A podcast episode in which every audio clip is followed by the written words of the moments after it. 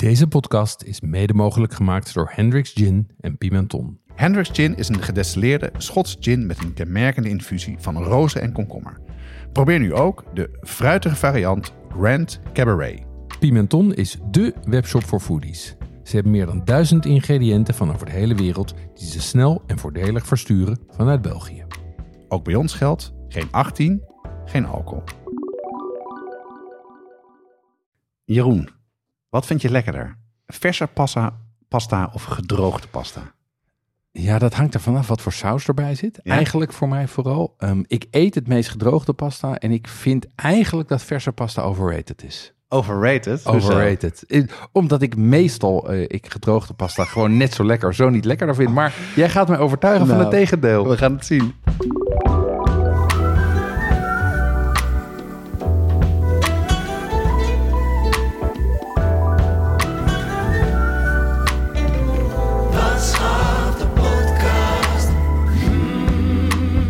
Ja, want deze aflevering gaan we het hebben over verse pasta. Hoe maak je verse pasta? Eh, wat heb je er allemaal voor nodig? En wat voor verschillende soorten en vormen zijn er allemaal? Natuurlijk hebben we ook eh, recepten om eh, sauzen te maken bij de verse pasta. En we gaan het hebben over het verschil tussen verse en gedroogde pasta. En wijns. Jonas heeft heel veel pasta gemaakt en die gaan we lekker testen en proeven. Ja. Eh, voor de brigadeleden praten we lang door eh, in het supplement, eh, dus blijf luisteren. Ik ben langsgegaan bij Master of Pasta Zara Puozzo. En ik praat met haar over de geheimen van gnocchi. Als je denkt dat verse pasta moeilijk is, nou, dan moet je eens een keer gnocchi maken. Dat is verse pasta met aardappelen. Ja, en ook deze keer zijn we niet alleen. We zijn niet alleen op de wereld. We hebben een gast aan tafel. Milton Verseput van Okhuizen. Ehm, eerder was hij sommelier bij Merlet, de Bokkendoornse vrienden van Jacob en Olivijn. Hij heeft eh, Noord-Holland eh, gastronomisch helemaal uitgespeeld. Ehm, belangrijker is dat hij uh, wijnspijsspecialist was van het jaar 2019. En nu is hij wijndocent bij Okhuizen. Hij heeft wijnen meegenomen die passen bij de gerechten met verse pasta. Welkom Milton. Dankjewel, dankjewel. Ehm, dus we gaan nu geen drankje drinken. We gaan zo drie eh, wijnen proeven die jij hebt eh, uitgekozen voor ons. Ik ben heel erg benieuwd. Eh, maar misschien om even te beginnen, Milton. ehm, kan je al iets zeggen over, eh, zeker als jij wijnspijs, eh, wat is het, Eh, specialist bent geworden in 2019.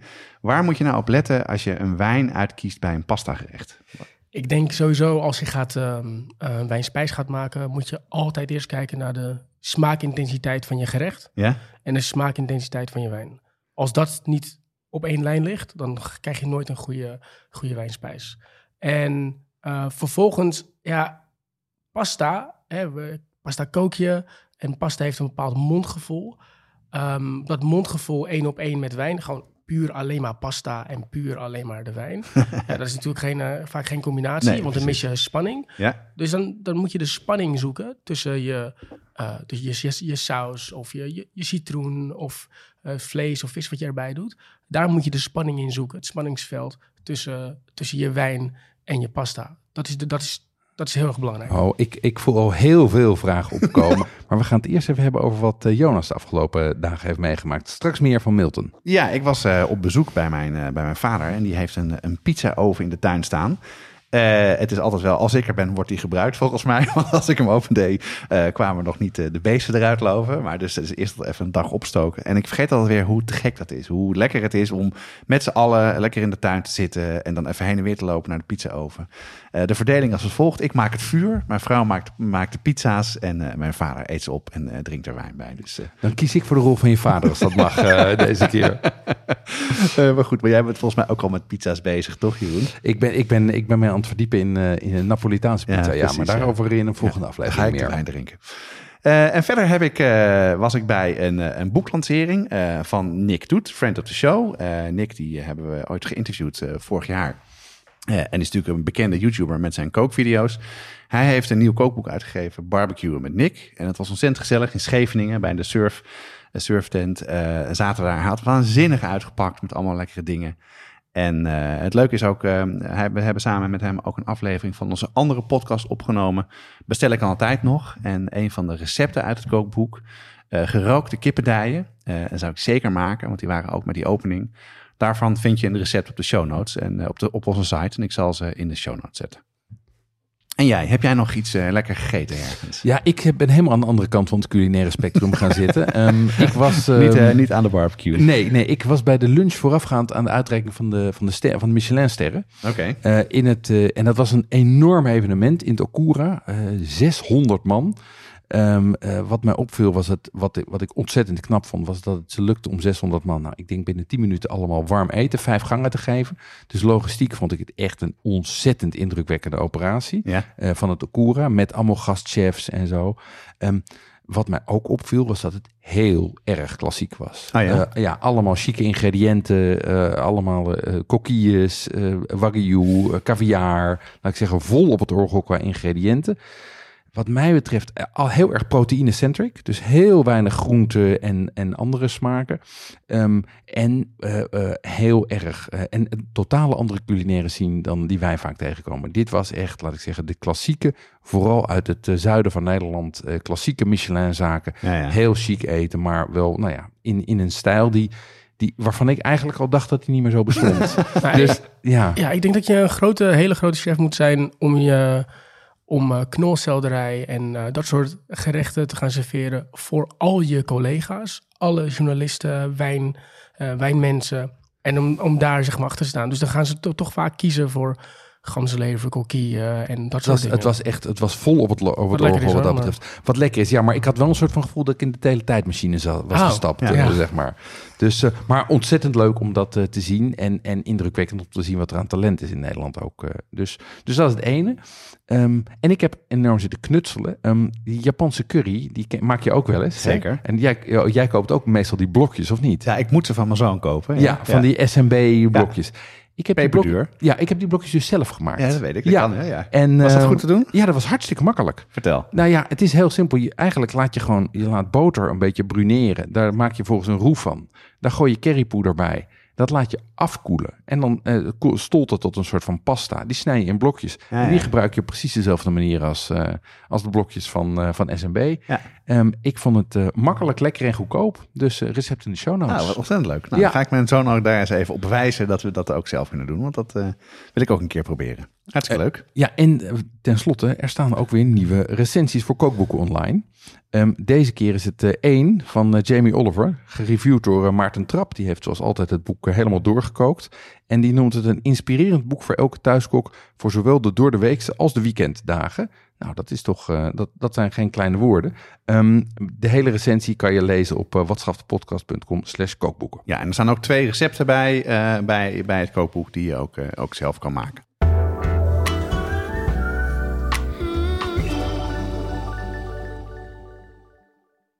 Jonas, we hebben een aflevering gemaakt over hot sauces. Dat deden we samen met de mannen achter Heat Supply.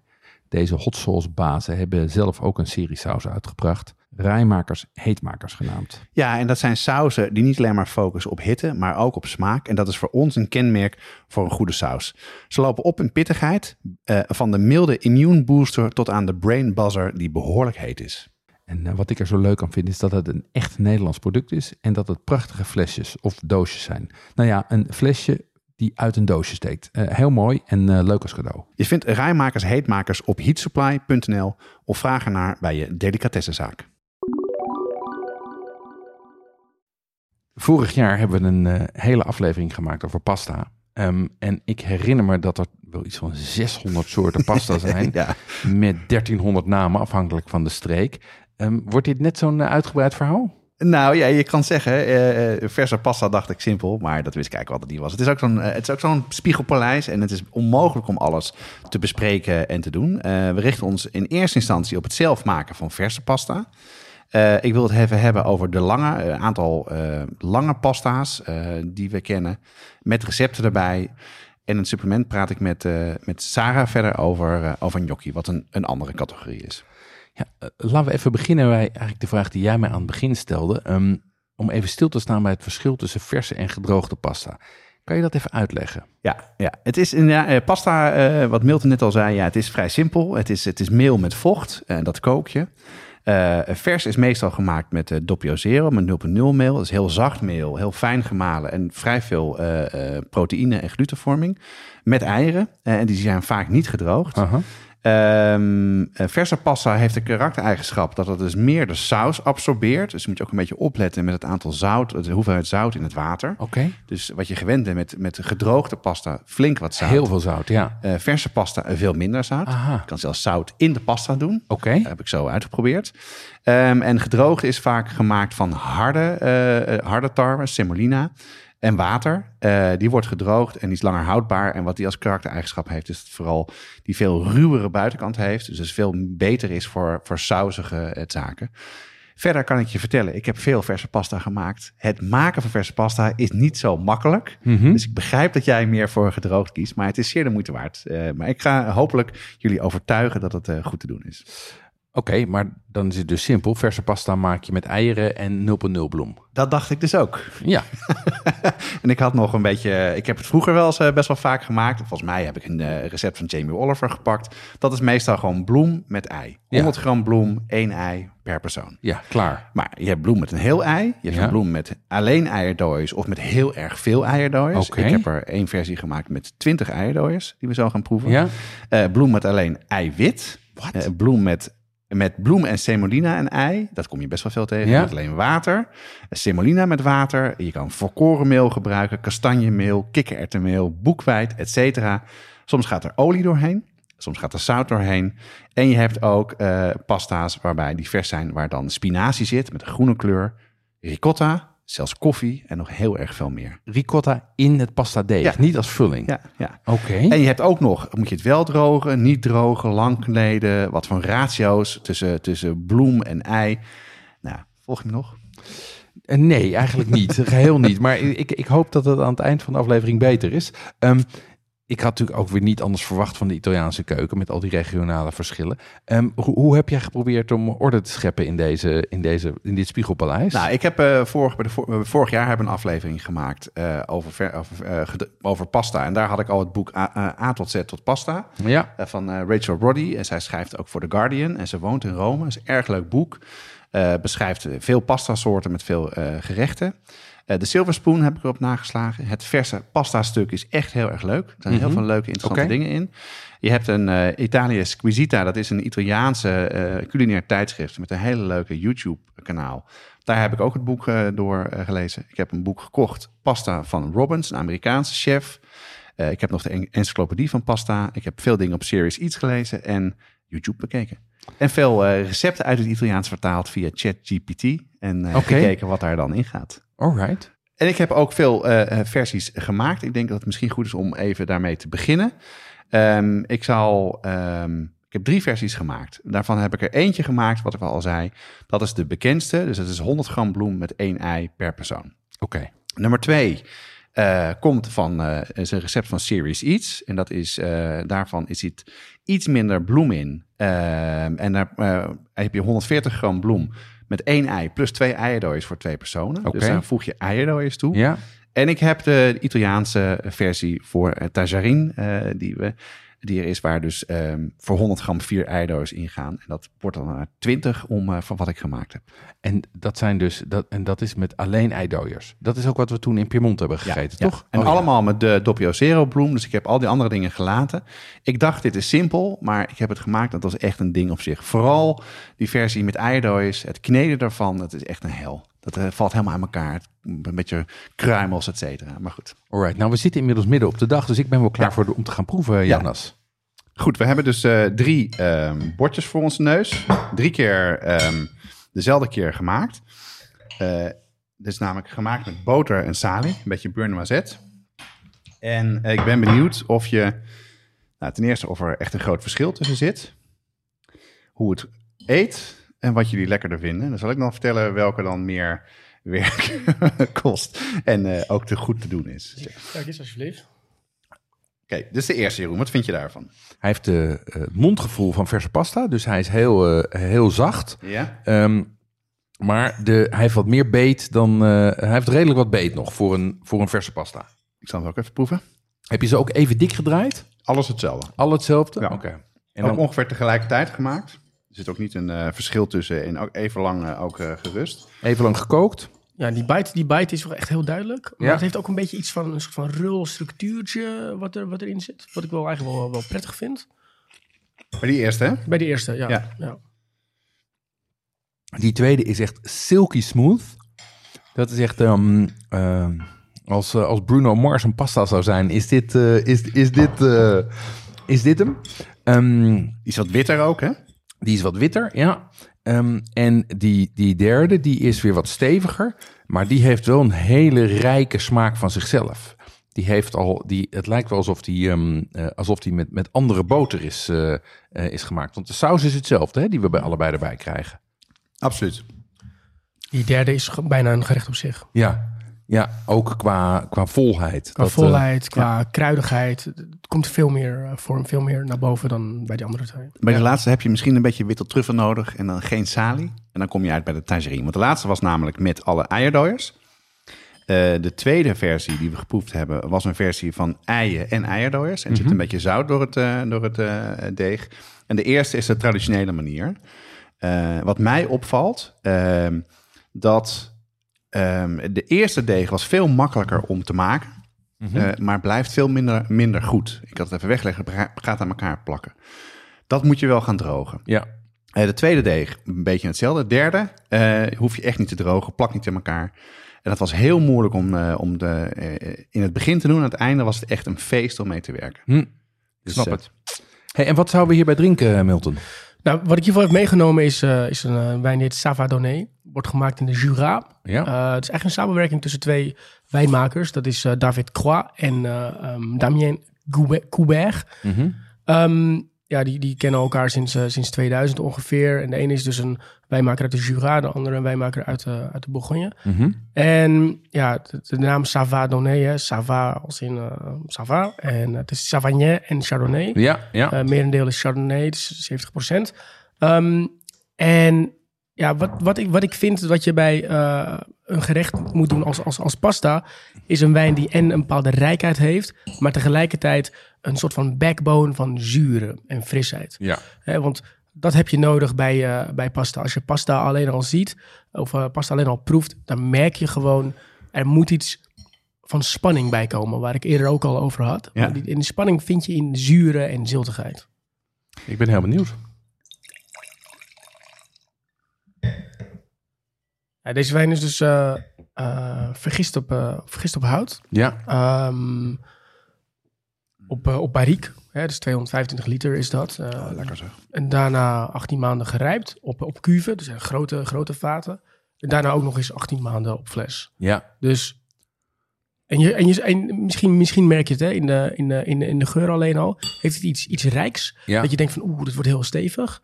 Nou, dat heb je ook een beetje in de aanzet. Dat je denkt, Ja. nou, stevig en rijk. Maar daarna, eigenlijk vanaf het begin, komen die zuren, die frisheid, dat waaiert Ja. een beetje uit. En dat zorgt ervoor dat die wijn altijd elegant blijft. En altijd, ja, ze noemen dat verteerbaar. Altijd heel erg drinkbaar blijft. Zonder aan smaakintensiteit in te boeten. Ja, ja. ik, vind hem, ik vind hem erg lekker, want als je hem ruikt...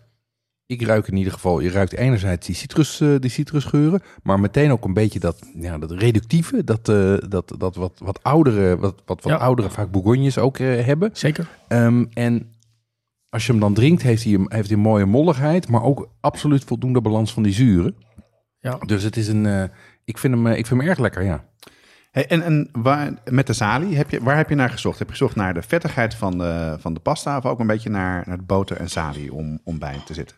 Ja, kijk, boter, ehm, boter en eh, als je een gerecht hebt met, eh, met boter of met veel vettigheid, dan, dan moet je eigenlijk vooral zoeken met wijn naar een soort van tegen, tegengewicht. Ja, ja. Want ehm, vet en vet wordt heel saai bij elkaar. Ehm, dus waar ik op geconcentreerd heb is, oké, we hebben salie en salie heeft tegelijkertijd heeft iets fris, maar tegelijkertijd ook iets, eh, iets kruidigs. Ja. Nou, dat wordt heel mooi opgepakt door die complexiteit van deze, van deze wijn en de kruidigheid van deze wijn. En het boter moet eigenlijk een beetje doorkliefd worden door, door zuren. Ja. En, en dat doet deze wijn heel erg mooi. Ja, ik heb hem nu na elkaar genomen en dan doet hij is precies dat wat hij doet. Dan valt eigenlijk die, die vettigheid die je in eerste instantie in die wijn hebt, die valt een beetje weg. Maar dan komen die zuren heel erg naar voren. En die werken bijna als een soort palate cleanser op die, eh, op toch die behoorlijke hoeveelheid boter die er, van die, ehm, die er van die pasta afkomt. En die is ook een rijke variant van de pasta. Dus ik vind dat, een, eh, ik vind dat heel goed werken. Zo. Ja, absoluut. Ja. En het blijft ook goed overeind. Het belangrijke is als je een wijn spijs maakt en je hebt veel vet of veel rijkheid in je gerecht, dan is het heel makkelijk om te denken, oh, dan doe ik daar ook een rijke, volle wijn bij. Ja. Er staat ook wel eens in, in mijn boeken, rijke wijn, rijke wijn. Maar dat is niet lekker, want wie drinkt er nou eh chocomel met een eh, reep chocolade? Ja, Nee. ja. Begrijp je? Dat, Dat je oorlog. Snap je? Ja. Dat, is- dat, is, dat is niet Ja. lekker. We willen daar een beetje een spanning hebben. Ja. Maar de smaakintensiteit, die moet gelijk zijn. Ja, ja. Want anders werk je wijnspijs niet. En Ja. anders valt de wijn weg of dan, dan proef je het gerecht niet meer. Ja, ja. Exact. Goeie Ehm, keuze, hé. Eh, alle wijnen die Milton eh, bespreekt, eh, kan je kopen bij, bij Okhuizen. En we zullen de link van de wijnen ook even bij, eh, op de site zetten. Zodat als je zelf deze verse pasta gaat maken, deze wijnen bij kan drinken. Ik zou het je erg aanraden. Zeg, wat mij betreft, ik, he- ik heb wel duidelijk een duidelijk beeld van wat het lekkerste is. Hoewel ik niet helemaal, het- ik twijfel tussen nummer 2 en nummer 3. Ja, ja vertel Ja, eens dan, ja. wat vind jij? Ik, kijk, ik vind nummer 2, dus, dus degene die, waar iets meer eiwit in, eh, ei, eh, geel in zit, die vind ik qua mondgevoel heel prettig. Ja. Ehm, eh, en die denk ik dat het ook heel goed gaat met een roomsaus. Ja. Ehm, die laatste, eh, waar alleen eigeel in zit, dat, die heeft zoveel aanwezigheid van zichzelf. Die is bij, dat is inderdaad, nou Milton zei het net, dat is bijna een gerecht op zichzelf. Ja, ja. Die, daar zou je inderdaad alleen een beetje truffel bij nodig hebben. Ja. Of een beetje caviar. Of iets, eh, of, of iets wat hem een beetje, wat, wat hem nog, laat ik zeggen, een extra complexiteit geeft. Terwijl die tweede een goede drager is voor sauzen. Die eerste, daarvan denk ik, ja, ik neem wel gedroogde pasta. Ja, ja, grappig hè? Ja, en terwijl dus met het maken daarvan is de eerste het makkelijkste te doen.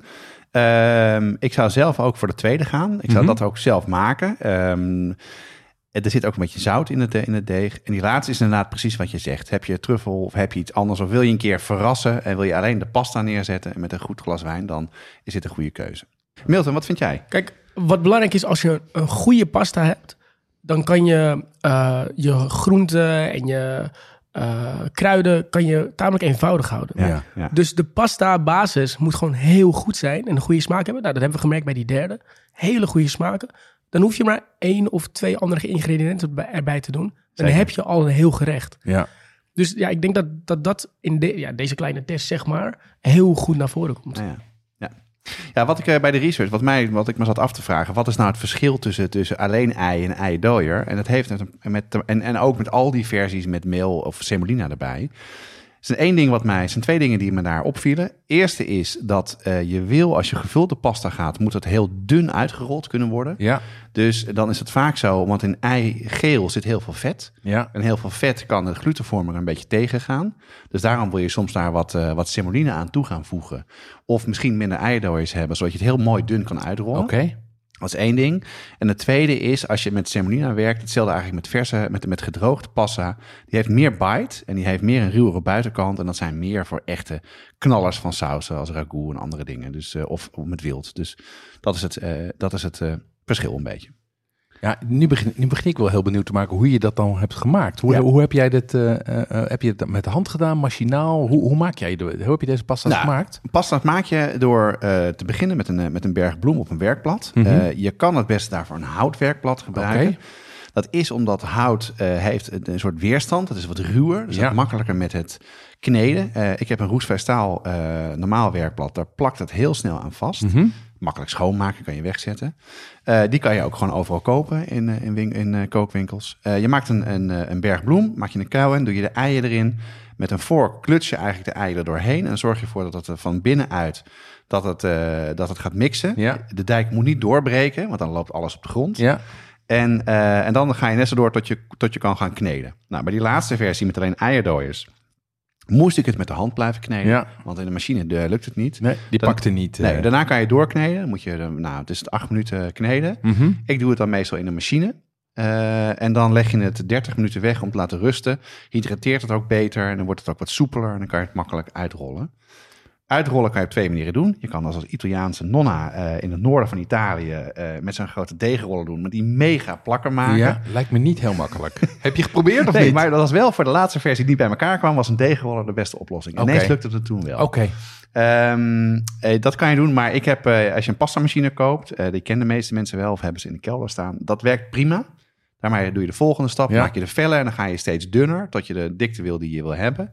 Eh, ik heb dat gedaan in mijn standmixer. Eh, ik heb een KitchenAid en daar heb je een apparaat wat je erop schrijft. Echt fantastisch. Ja. Echt een lifesaver. Het gaat zoveel sneller. Dus eh, dat heb ik gedaan. En dan ehm, is dan de vraag, ehm, Eh, wat je doet, ga je drogen of snel in de pan? Nou, ehm, ik heb dus nu gemerkt met het voorbereiden hiervan, eierpasta gaat prima. Die simpele pasta moet je drogen, anders koekt het aan elkaar en Ja. daar heb je niks aan. Ja, ja, ik droog dat altijd over een, eh, over een oude bezemsteel. Ja. Die leg ik dan tussen twee stoelen in. Of, een, of je kan ook een, een oud eh, eh, een droog rekje gebruiken. En daar hang je ze gewoon Ja. overheen. Een half uurtje of zoiets. Dan droogt hij een beetje uit de buitenkant. En daarna rol je er nestjes van. Dat is tenminste hoe ik dat altijd Maar als je het apparaat hebt eh, en je neemt die 30 minuten, kan je ook overslaan, dat rusten. Dan kan je echt best wel snel die pasta op tafel hebben, als je niet een grote groep hebt. Dus ik ga het wel nu zo doen. Ik ga gewoon Gewoon- een half gewoon- uurtje eerder beginnen. En dan heb ik het klaar en dan gooi ik het in de... Gooi het meteen de pan. Ja, kijk, het is natuurlijk hartstikke veel. Het is, ik bedoel, het is heel lekker zelf pasta maken, maar het is ook veel werk. En wat mij opviel toen ik in Italië was eh, vorig jaar, was dat je overal van die verse pastazaakjes Ja, hebt. Echt gek, op elke hoek van de straat. Ehm, en eh, die verkopen dus eh, verse pasta, hè, ongevuld, maar ook gevuld. Ehm, en iedereen koopt ze daar ook. Gewoon, dan heb je één zo'n zaak, die staat dan vol met, weet ik wat, twintig bakken met, met verschillende kleuren pasta. Ja. Ehm, en wat ik ook grappig vond, is die laat ze je ook gewoon proeven, maar ge- eh, ongekookt. Dus dan krijg je gewoon een ongekookte ravioli. Maar omdat die vers is, is, natuurlijk, is het gewoon zacht. Ja, ja. En omdat die vulling ook al bereid is, kan je dat zo eten. En, en, en eigenlijk de smaak zit vooral in de vulling. De Dus, eh, smaak zit vooral in de vulling. Dus ik, kreeg, ik ging zo'n winkel in en ik kreeg gewoon zo een paar van die, van die stukjes. Hier wil je een raviolietje proeven, weer Oh. een... eh, en super lekker. En dan is het helemaal makkelijk, want dan haal je gewoon zo'n zakje. Zet je thuis een pan water op, een beetje boter en salie. En dan, is, eh, dan, dan ben je in business. ja, want, dus want koken van verse pasta duurt maar een paar minuten. Hè? Dat is zo klaar. klopt, Ja. klopt. En wat je ook daar ziet, is dat vriezen ze ook veel in. Ja. Dus dat kan natuurlijk, dat kan je zelf doen als je het maakt. Maar je kan dat ook eh, daar gewoon diepgevroren kopen. En wat ze mij daar vertelde was, je be- bevriest het. Eh, of je vriest het in en je gooit het gewoon bevroren in de pan. Ja. Dus je hoeft het helemaal niet te ontdooien, want dan wordt het weer plakkerig. Ja, je moet niet, niet ontdooien, Nee, want dan is het, precies. valt het aan elkaar. Ja. En dat is eigenlijk het allermakkelijkst. ja, ja. En behoud je dan ook echt wel de, de, de, de verse gevoel, Ja. zeg maar? Een ja, zeker. Het enige wat er gebeurt is dat hij wat brozer wordt. Dus dat komt natuurlijk door de, door de vriezer. En het wordt- droogt natuurlijk een beetje uit. Eh, maar ja, weet je, de, het is alles beter dan hier in de supermarkt kopen, gedroogd of wat dan ook. Dus eh, Ja, het is altijd of, beter. of zogenaamd vers, want dat Ja. is natuurlijk ook half gedroogd. Ja. Ja, ja. Uh, Ehm, we gingen het even hebben over de, de, de lange pastas. Hè? Dat is wat we net hebben geproefd. Ehm, we hadden volgens mij net tagliatelle, tenminste, dat denk ik. Zo zou ik het noemen. Helemaal goed, helemaal Maar, goed. maar ehm, de Italianen kennen, die hebben die nog 27 verschillende vormen. Hoe zit dat? Nou, heb je eventjes. ik zou het kort houden. Ehm, ik, wil, ik heb het eigenlijk beperkt tot vier soorten. Ja. Je hebt een aantal brede soorten. Je hebt de, de, de pappardelle, eh fettuccine en de tagliatelle, die we net inderdaad hadden. Ik werd helemaal gek toen ik hier eh, op een gegeven moment bezig was van eh, wat is nou het verschil? En dan google je een beetje en dan kom je allemaal verkeerde informatie tegen. Maar ik, volgens mij ben ik eruit. Pappardelle is heel breed, 2,5 tot 6 centimeter. Dat is echt heel breed. hè? Ja, vroeger werd dat vooral ook gemaakt met, eh, dus niet met, eh, met bloem en ook eh, niet met eieren, met water. Ja. Dat ge- tegenwoordig gebeurt het wel. En die, die eet je veel met eend of met, met wild zwijn of met konijn of Ja. met, met ragout. Ja, pappardelle al cingale, zoals ze in Ja. Toscane eten. ja, Super dus dat is, En dit zijn dus de grote versies. Dan heb je fettuccine en daar dacht ik echt, wat is het verschil met tagliatelle? Nou, dat, is, dat verschil is 2 millimeter. Eh, ja. Mm. Ja. Fettuccine Ja, is daar ga 1 je al. centimeter breed. Eh tagliatelle is 8 millimeter. Dat is vastgelegd in Bologna. Er is een gouden eh, soort van staaf. Die, en daar kan je het mee vergelijken. Oké, dus als je ruzie hebt, kan je naar Bologna, kan je die staaf ophalen en kan je de, het voor eens en voor altijd Ja. eh, settelen. Mooi. Je moet hem eigenlijk op 7 mm snijden, want hij zet uit door het water en dan wordt hij 8 mm. Maar wat het belangrijk verschil is, en dat merk je hier ook wel, dit eh tagliatelle is dunner. Oké. Ehm eh, fettuccine is vaak ietsje dikker. Dus ietsje dikker uitgerold. Ah, het zit hem dus eigenlijk vooral in de, in de, het zit meer in de dikte dan in de breedte. Ja, ja. Ah, oké. Ehm, dat zijn dan eh, de bredere. Ja. Eh, en dan heb je de smallere. Je hebt de tagliolini, dus de kleine versie van de tagliatelle. Ja. Eh, daar heb je drie soorten namen voor. Tagliolini, Tagliolini. Tagerin in Piemonte, Ja. Maccherosini in de, Mar in de Marken. Dus dat zijn allemaal dezelfde soorten dingen. Maar ook hier denk je, is het hetzelfde? Nee. Tagli- Tagliolini is 3 mm, 3 mm. Tagerin is 2,5 mm. De laatste heb ik maar even gelaten. Eh, en wat, je, wat Mil- Milton al net zei, die worden veel gemaakt met heel veel ei. Ja. En dan zijn inderdaad, de, hoe je het eet, is heel simpel. Boter met ansjovis, met een beetje pecorino. Soms ook in een soep, in een groentesoep. Lijkt me ook heerlijk. Hele dunne ei. Ja, ramen, een beetje slobberen. Ja, het is een beetje, ja, een beetje lastig met wijn en zo, maar Eh, eh, ja, en de tagerin uit de Piemonte, die hebben, wat jij al zei, die hebben we daar gegeten. Dat is met boter en met truffel. Ja. En dan, eh, of met boter en salie, zoals we net hebben gedaan. Wat ik ook wel interessant vond, eh, kwam ik tegen dat die wordt gemaakt met de kooksappen van vlees. Dus dan heb je eigenlijk wat er is aangekoekt, hè, Ja. waar je maar een saus bij maakt. Daar doe je een beetje, nou, ik denk een beetje water of wijn doorheen. En daar doe je dan eh, de pasta in. Heb je het vlees al aangebraden voor het hoofdgerecht. En Ja. dat in die pan die je over hebt, dan doe je even de pasta mee. Alright. Zou ik zelf nooit doen. Maar goed, die Italianen wel. Interessant. Ja, er gaat voor mij een wereld open aan, aan varianten. En eh, ik denk dat ik maar heel snel een, eh, een, een meetlint in mijn keuken moet gaan leggen. om eh, te kijken of ik 6 of 8 Ja. millimeter ben. Of beter nog 3 of 2,5 millimeter.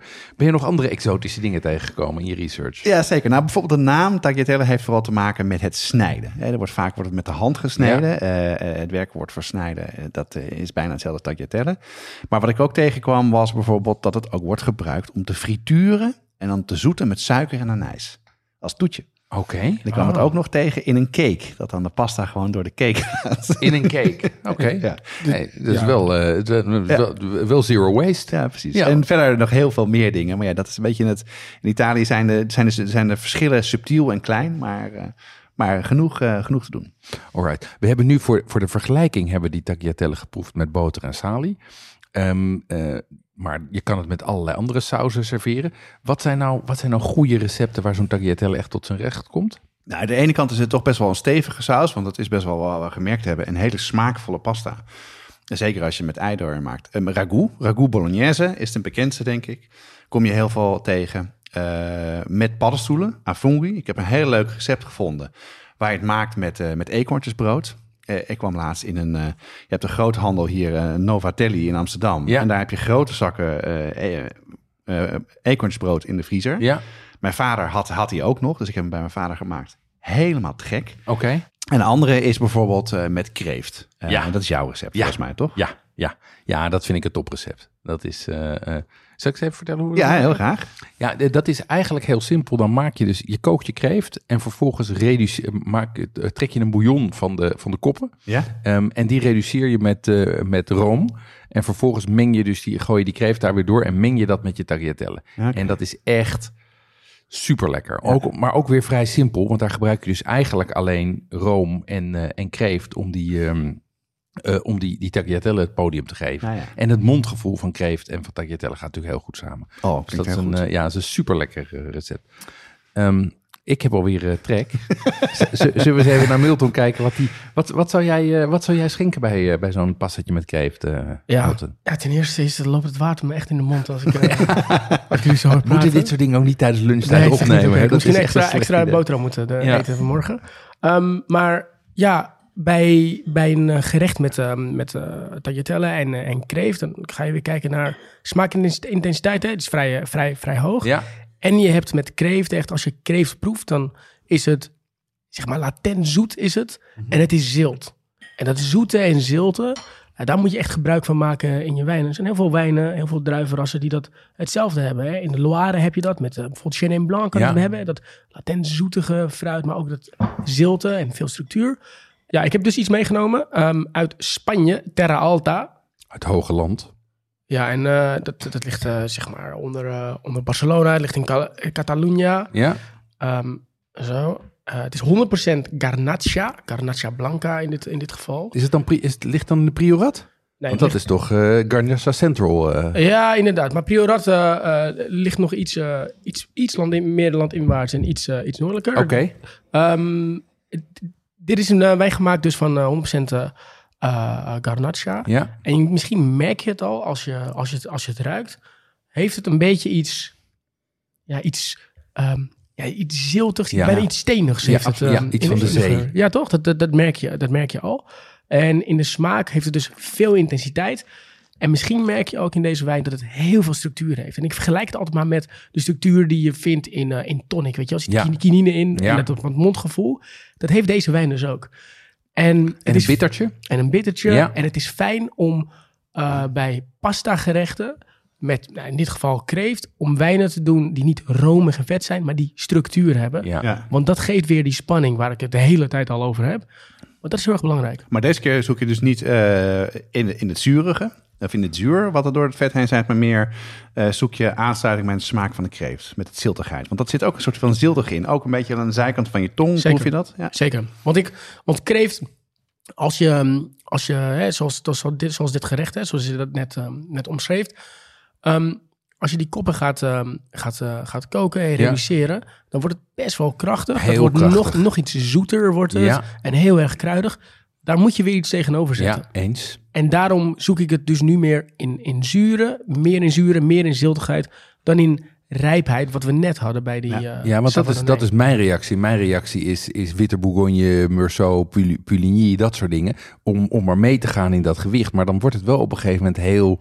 Dan wordt het wel bijna vet op vet, zeg maar. Ja, en er, en er zijn natuurlijk heel veel verschillende Pouligny's en heel verschillende Meursaults. Maar dan zou ik, als je dat zou willen doen, dan zou ik toch gaan voor een, eh, voor een producent die wat eh, meer in de frissere stijl zit. Ja. En ja, wil je wel heel veel hout hebben?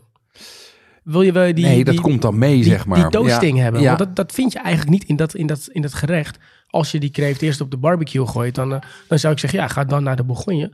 Maar in dit geval heb je dat eigenlijk niet nodig. Ja, heel slim. En, en die structuur, dat, want dat is, want ik bedoel, ik pak dat hout dan inderdaad om een beetje weerwerk te geven tegen dat hele aromatische. Mhm. Ehm, maar hier doe je dat met die structuur, met, die, met, met, dat, met dat bittertje. Ik moet zeggen, ik vind dat een slim idee. eh. Ja, en, en, en ja, sta je niet altijd blind op, eh, op, eh, op hout en, eh, ehm, en, en die enorme concentratie. Want concentratie zit niet alleen in hout en in rijpheid. Het zit ook in zuren, in een concentratie. Dat is Ja. een ander soort intensiteit. Maar het is wel een hele... Ik bedoel, wat je zegt, herken ik als ik, als ik proef. Het, heeft, het is wel heel geconcentreerd. Het is heel Eh, geconcentreerd, maar dan niet, niet, eh, ja, niet heel erg in je neus dan misschien, qua, qua houtla. Nou, Nee, nee en, het heeft, en het is wel, eh, wel aromatisch. Wat, hier, wat ook bijvoorbeeld bij, eh, lekker is bij, bij zo'n gerecht... is bijvoorbeeld een, eh, een fermentino. Ja, Hè? Of een wat frissere Ja, stijl, frissere stijl eh ehm. Ja, ja. Dat zou ook, ook, ook passen. Ja. En dan kan je in je gerecht kan je nog lekker een beetje bergamot schaven of weet ik wat voor Oh, gekkigheid. Jullie zijn hier de koks, maar dan kan je, dan kan je dus je kan dus heel erg met kleine dingetjes, met, eh Ja, met chilipepertje kleine kruiden, chilipeper, met hele Ja. kleine dingetjes. Ja. chilipeper vind ik lastig met zuren, hè, want eh, zuren en, eh, en pepers dit zijn niet echt de beste vrienden. Maar je kan dus heel erg naar zo'n wijn gaan met alleen maar klein beetje kruiden, klein beetje aroma's. Kan je heel erg Ja, veel, takje dragon erdoor. exact, Ja, kan je ja. heel veel met elkaar doen. En Ja. wat ik leuk vind, Jeroen, is dat... ehm, kijk, als je dat pasta met kreeft als hoofdgerecht maakt... wat dan waarschijnlijk wel gebeurt... maar als je het een keer met voorgerecht maakt... is dit ook een goede soort wijn om mee te beginnen. Dat je niet meteen vol erin knalt. Ja, ik vind het topwijn. Wat kost zo'n flesje? Dit zit volgens mij op euro of 13. Oh, dus dan ja. kan je nog eens, kan je nog eens eh, pasta met kreeft maken. Tuurlijk, kan tuurlijk. het allemaal ja. mee. Gewoon op een eh, woensdagmiddag. eh, dat het snap ik wel. goedkoopste gerecht wat er bestaat, ja. Ja, lekker. Goed idee, goed idee. Ehm, hey, hij had, eh, Jonas had het, had het net over die, eh, dat recept van uh, tagliatelle met paddenstoelen.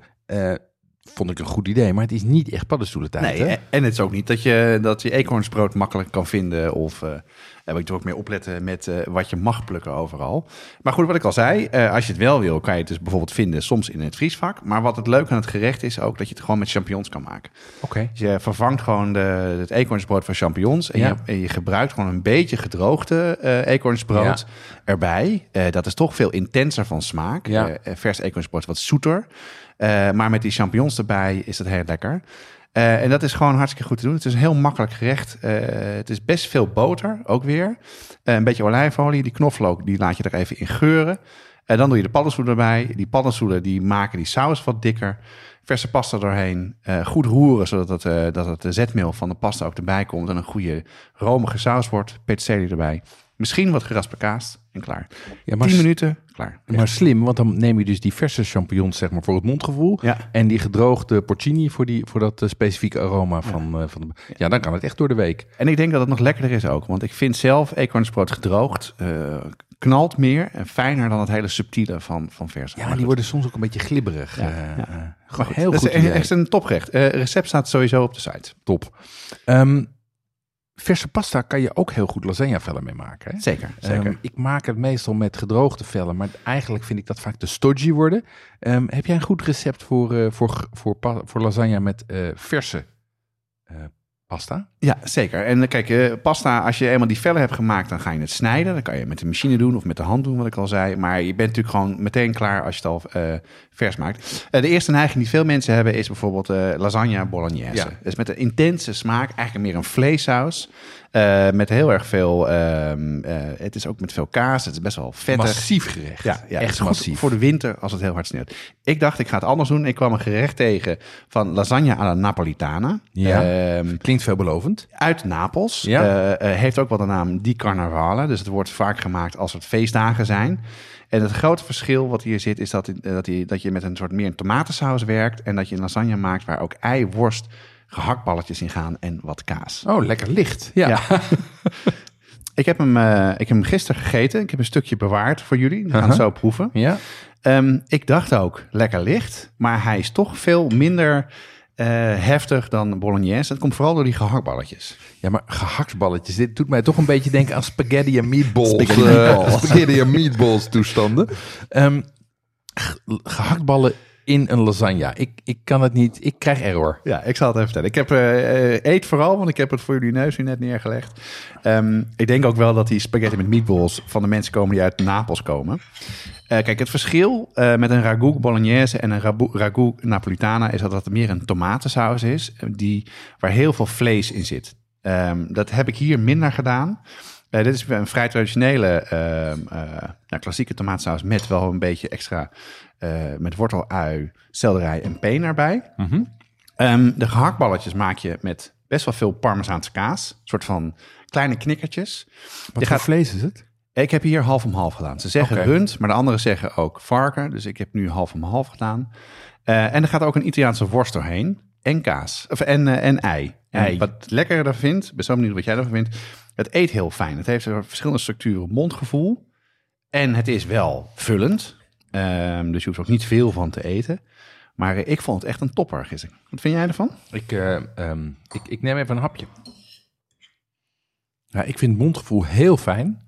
Ehm, ik was voorbereid op een soort van, eh, soort van super intense tomaten, vlees, hoog op zuren, hoog op zoete. Zeg maar zo'n hele intense gereduceerde saus. Maar deze is redelijk licht op de voetjes. Ja. Ehm, ik zou bijna zeggen, ik, ik had bijna het idee dat het kalfsvlees was, zeg maar, qua lichtheid. En dat ei werkt heel goed, omdat dat kleine, zachte flubbertjes in je mond geeft. En bovendien wat volume zonder eh, intensiteit. Ehm, eh, en eh, ik vind hem, ehm, ik, het zijn hele kleine gehaktballen. Het zijn zeg maar een soort van soepballetjes. Ja, heel klein. Ja. Ja. Ja. En het, de worst is ook net zo groot, eh, groot gesneden. Dus alles een beetje hetzelfde. Ik, vind het, ik vind het super lekker en veel lichter dan ik had verwacht. En wat ik heel fijn vind, is die ricotta die er doorheen zit. De ricotta en, en mozzarella doorheen. Je kan ook provolone gebruiken, die dan een beetje gerookt is. Dan geef je wat meer knal. Ik heb een lichte tomatensaus gemaakt. Traditioneel is die met heel veel vlees. En dan wordt het vlees uit de saus gehaald en geserveerd als het hoofdgerecht. Oh ja. Maar dat kost veel tijd. Dit gerecht, dit recept is eh, goed te doen. Je hebt natuurlijk wel met lasagne dat even lang in de oven moet. Dus, eh, maar ja, het is perfect in, in de koelkast te bewaren. Wat vind jij, Milton? Ja, ik vind die structuur van het vlees is echt heerlijk. Die, die maakt het gerecht heel erg spannend. Want eh, zonder die wat korrelerige, eh, beetje iets grove structuur, ehm, ja, zou het zeg maar veel te, ja, veel te romig zijn. Ja. Maar dat geeft echt structuur, geeft gelaagdheid en complexiteit, complexiteit aan het gerecht. En het heeft inderdaad rijkheid, maar ook heel erg verfijning. Ja, ik vind het een briljant gerecht. En misschien dat hij vandaag nog wel lekker is dan gisteren. Dat kan jij zeggen. Want dat vind ik vaak met lasagne. Dat als hij een beetje Ja. zet, Ja. dat hij nog net bij elkaar komt. Zeg Ja, dat is maar. het lekkerste toch? Ook Ja. sowieso de pasta van gisteren, zeg maar. Hè? Zoals, eh, Uh, die eierpasta, die, dat geloof ik meteen. Nee, ik denk het ook. Ik, ehm, ja, ja. Lekker. Wat gaan we daarbij drinken, Milton? ja, van Cantina La Selva heb ik meegenomen Morellino di Scanzano. Dus zitten we in Toscane dus, aan de kust. Ja. We zitten eigenlijk een beetje in het hart van, de- van de Maremma. Dit is, Morellino is een andere naam voor Sangiovese. Sangiovese kennen wij natuurlijk vooral van Chianti. Ik denk dat daar de Sangiovese het meest beroemd door is. Ehm, het is een wijnhuis wat eh, biodynamisch werkt. Het is een, het is een wijn dat... ehm ja, Sangiovese trouwens is een druivenras met zuren, met Ja. frisheid. Hè, kom ik weer. En, Maar dit heeft ook structuur. En ja, mensen moeten sowieso met een... Als je wijnspijs gaat maken met, eh, met pasta... Wees niet bang om een wijn te nemen met veel tannines. Of wat meer, of, of met, met goede stevige Ja, tannines. dus meer als je denkt zoals met vlees. Doe dat exact, Ook, Nou ja. exact. Het mag een beetje, een beetje tannines, mag een beetje stevigheid hebben, want die, die, die, die, die tannines worden eigenlijk een beetje opgezogen door het vet, door het rijke. Als je dat niet doet, dan krijg je weer een combinatie van iets wat romig en, en vet is met iets wat romig en vet is. En dat is niet lekker. Ja. Probeer niet ehm, eh, bang te zijn voor zuren. Deze La Selva heeft ook een fijne zuurgraad. En wat heel belangrijk is, met je wijnen uit Italië, over het algemeen sowieso met wijnen, je temperatuur. Ja. Hè, kamertemperatuur is, is het tussen de 14 en 8, eh, sorry, tussen de 16 en 18 graden. Eh, wees niet bang om het neer te zetten op, eh, op 15 graden op je tafel. Wijnen die gaan heel, worden heel snel warmer. En die, juist die iets koelere temperatuur zorgt voor eh, meer fruitexpressie, Ja. een fijnere zuurgraad Ja. en eh, overal gewoon een betere wijnspijservaring. Ja, anders wordt gewoon eh, over neemt de alcohol het echt over. Hè? Dan Zeker. Het van, eh, en dat vind ik altijd zo wonderlijk. ik was deze zomer in Italië en heel vaak was het bloedheet, de wijn die gesfeerd werd. Ja, Maar als je dan vroeg om ijs, werd er niet moeilijk over gedaan. Nou, ik zal je sterker vertellen. Ik was op het, toevallig op het station van, van Napels.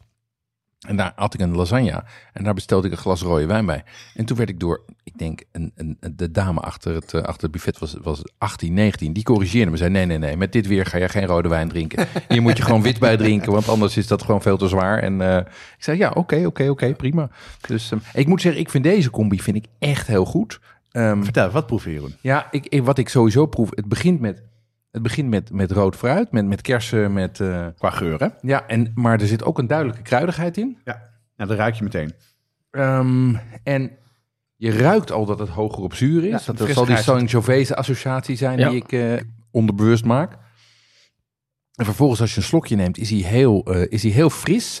ehm, eh, zonder dat hij echt dat hij, dat hij streng wordt. En wat dat betreft combineert hij heel mooi met die lichte pasta. Ik vind hem top. Ja, en en de, de wijn heeft ook niet, eh, want ja, we hebben het over zuren. Dus mensen kunnen misschien het gevoel hebben dat, er, dat er de wijn heel veel een zure wijn is, zeg maar. maar in de, in de smaak heeft het duidelijk ook tonen, een beetje aardse tonen. Een beetje dat, dat zwarte olijf. Het heeft een beetje dat bijna zoetige van, van pruim in, in het fruit. En die combinatie, die balans tussen en rijpheid en frisheid en de, de echt super verfijnde structuur. Ik denk dat het ja, dat, dat daarom zo goed werkt. Ja, en, en hij, heeft een, hij heeft een hartigheid die je, die je ook, eh, die, misschien heeft dat met die zee te maken, maar die ook heel goed gaat. Die komt eigenlijk bij mij in een soort van tweede fase, bijna umami-achtige hartigheid die erin, eh, die erin zit. Ja, het is, ja, het, ja ik, ik zou mezelf bijna een compliment geven, maar... ehm, En dan doen gedaan. wij dat Nee, maar zo- een hele goede, Goed gedaan, eh, ja, Milton. goed Nee, wat gedaan, ik- Milton. Ja.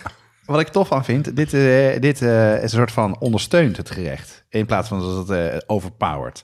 Er zit ook echt smaak in. Maar nou, ik, bedoel, ik heb even net een hap genomen en een slok daarna. Die, het zure zorgt ervoor dat je weer zin hebt in een nieuwe hap van een best wel stevig gerecht. Maar het, het, is, het werkt enorm goed samen. Ja, maar dat is ook een beetje Leuk, zeg. regel, regel 1 met, je, met, je, met wijn-spijscombinaties. Is wat wil ik met mijn wijn-spijscombinatie? Ja. Dat moet je je afvragen.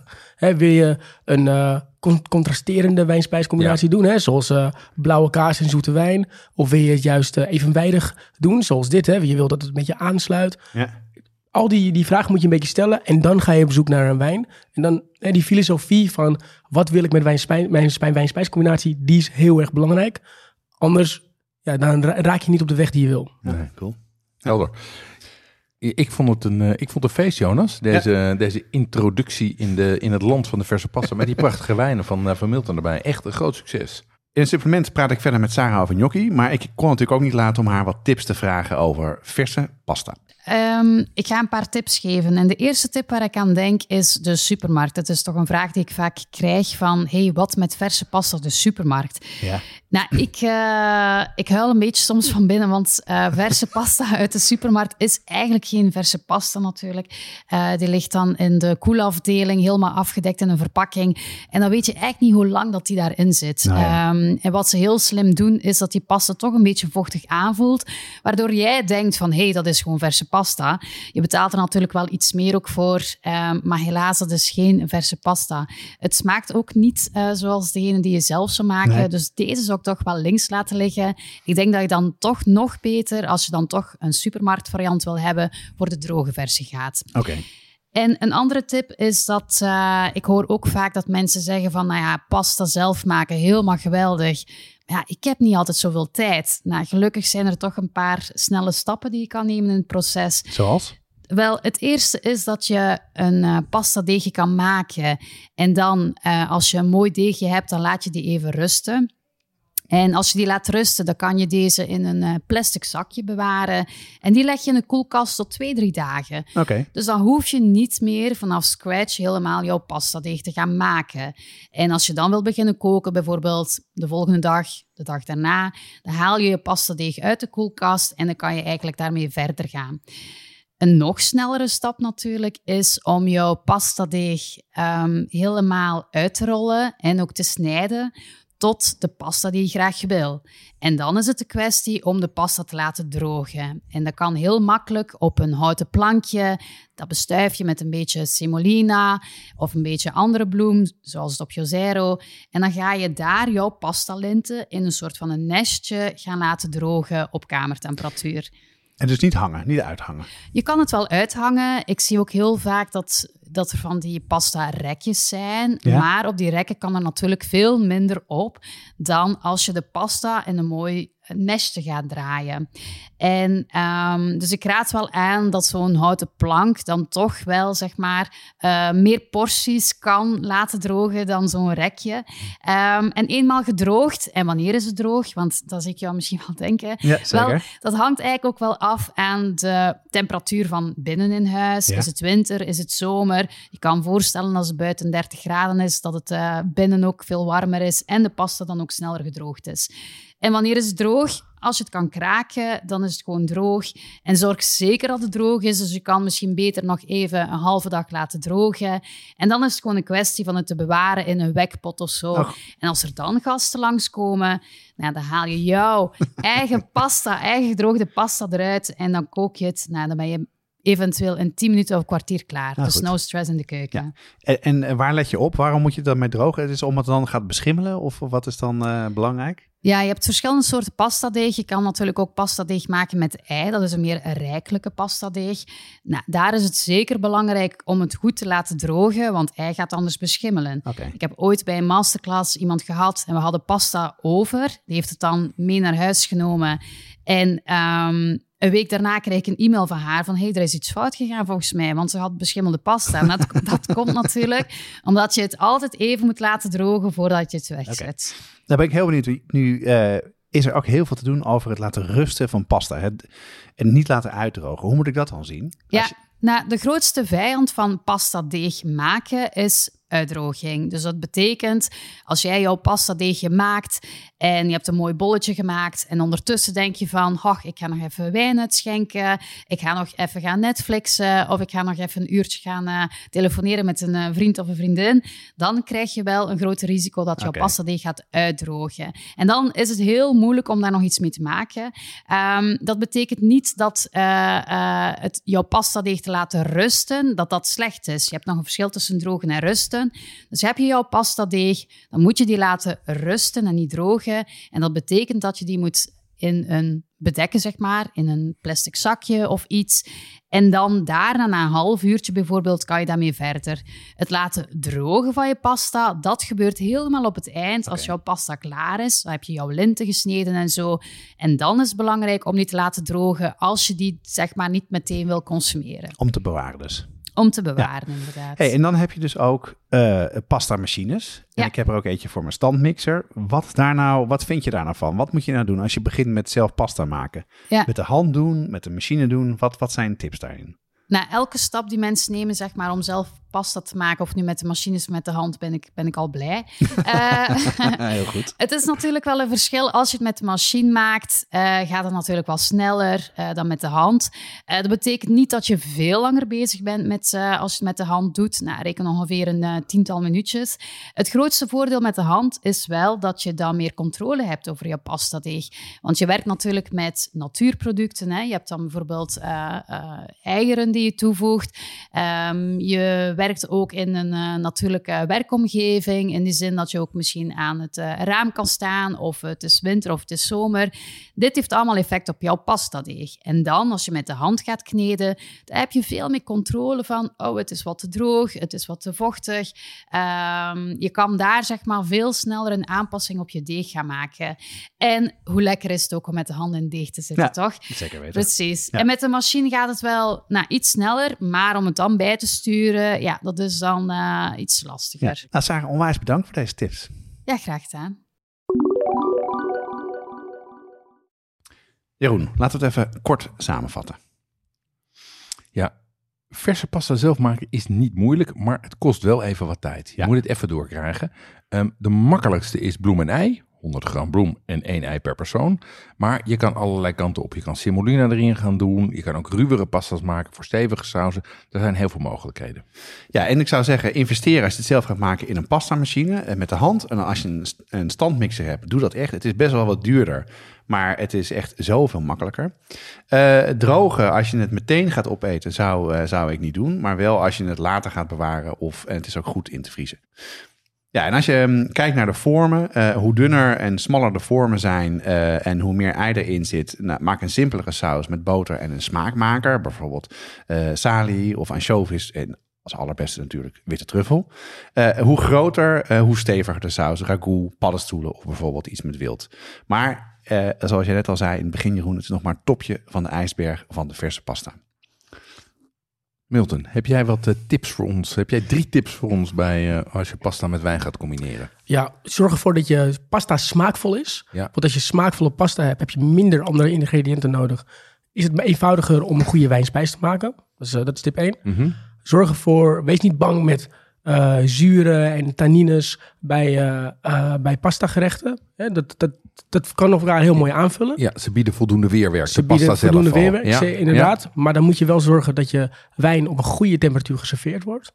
En zorg voor in je combinatie voor spanning. Dus zowel in je gerecht, zorg voor zuren, zorg voor eh, structuur, hè, of het nou een krokantje is of, of wat dan ook. En dat mag je ook dus eh, hetzelfde zoeken in je wijn. Dus wijnen met ziltigheid, met structuur. Dat zorgt voor spanning, dat zorgt voor een mooie combinatie en dat zorgt voor heel veel plezier. Top. Milton, ontzettend bedankt voor deze leuke tips en de lekkere wijnen. Leuk dat je erbij was. En eh, ik heb onwijs veel geleerd. En ook wel weer echt weer nieuwe dingen eh, over hoe je die wijnen moet maken. Top dat je er was, man. Dankjewel, leuk, leuk om hier te zijn. Voor de luisteraars van de gratis podcast zit het erop voor deze aflevering. Voor de brigade gaan we nog door met het supplement. In het supplement praten we over gnocchi. Eh, ik ben langs gegaan bij Sarah Puozzo. Eh, hoe maak je zelf gnocchi? Wat voor, eh, wat voor gerechten zijn er lekker bij? En nog heel erg veel meer. En als je lid wil worden van de brigade, ga dan naar petjeaf.com slash podcast en meld je aan. Deze podcast wordt gemaakt door Jonas Nouwen en Jeroen Doucet. En met speciale dank aan Milton, Milton Versaput van Okhuizen voor de wijntips en de wijn-spijscombinaties. En Sarah Puozzo voor al haar tips over gnocchi en verse pasta. Het team bestaat verder uit Natasja Roda, Corianne Straathoff, Annie Tazelaar, Paul Veldkamp, Cato van Paddenburg en Jesse Burkunk. De muziek is gecomponeerd door Nico Brandsen en Ton Dijkman en wordt uitgevoerd door Mel en Vintage Future. Ciao! Tot de volgende keer.